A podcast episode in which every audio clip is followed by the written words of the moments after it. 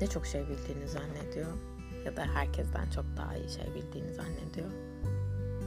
Ama aslında sadece bildiğimiz kadarını biliyoruz ve karşıdakimizdekilerini o kadar dinlemiyoruz ki. Bakıyorum, özellikle dikkat edin.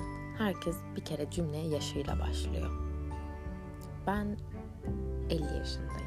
Ben 34 yaşındayım. Hatta önceki sevgilim hep beraber olduğumuz süre boyunca hep yaşımdan bahsederdi. Şu kadar yaşındayım, bir sene geçti şu kadar yaşındayım, bir sene geçti şu kadar yaşındayım. Bir şey değişmiyor ki. Ayrıca yaşınızla karşı tarafa ne ifade edebilirsiniz?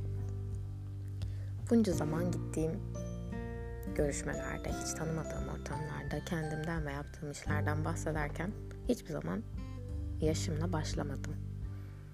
Ve insanlar bana sordu ya sen kaç yaşındasın diye. Ya da bu kadar işi gerçekten bu yaşta mı yaptın diye. Ben sorduklarında yaşımı söyledim. İşte o zaman yaşınız değerli oluyor. Ama biri bir şey sormadığında verdiğiniz gereksiz bilgiler karşı tarafta hep snob bir duruş sergileyecektir.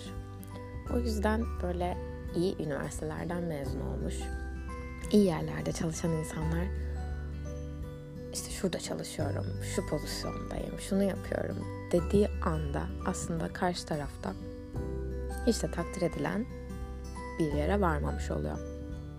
İhtiyacı olduğu anda söylenen bilgiler çok daha kıymetli ve değerli.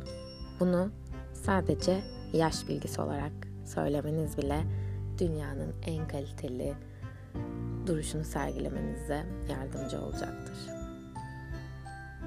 Şu ana kadar hiç yaşımlı cümleye başlamadım.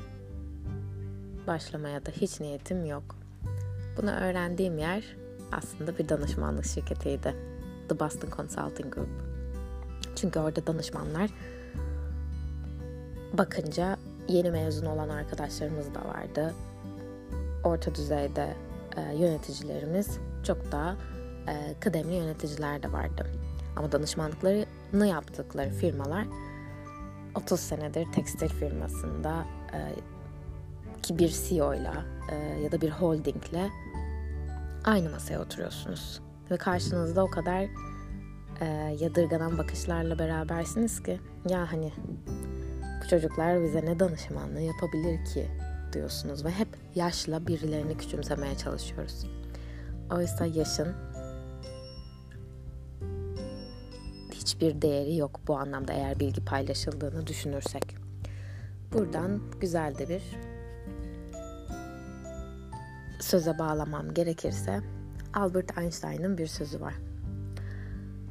Eğitim ne öğrendiklerinizle ilgili değil, öğrendiklerinizin düşünme yeteneğini nasıl geliştirdiğinizle alakalıdır. O yüzden aldığınız eğitim her nereden olursa olsun ne yaparsanız yapın aslında bu düşünme biçimiyle alakalıdır. Düşünme biçiminizi ne kadar değiştirebiliyorsanız sizin kaliteniz ve başarınız da o anlamda ilerliyor. O yüzden bunun aslında hiç yaşla da alakası yok.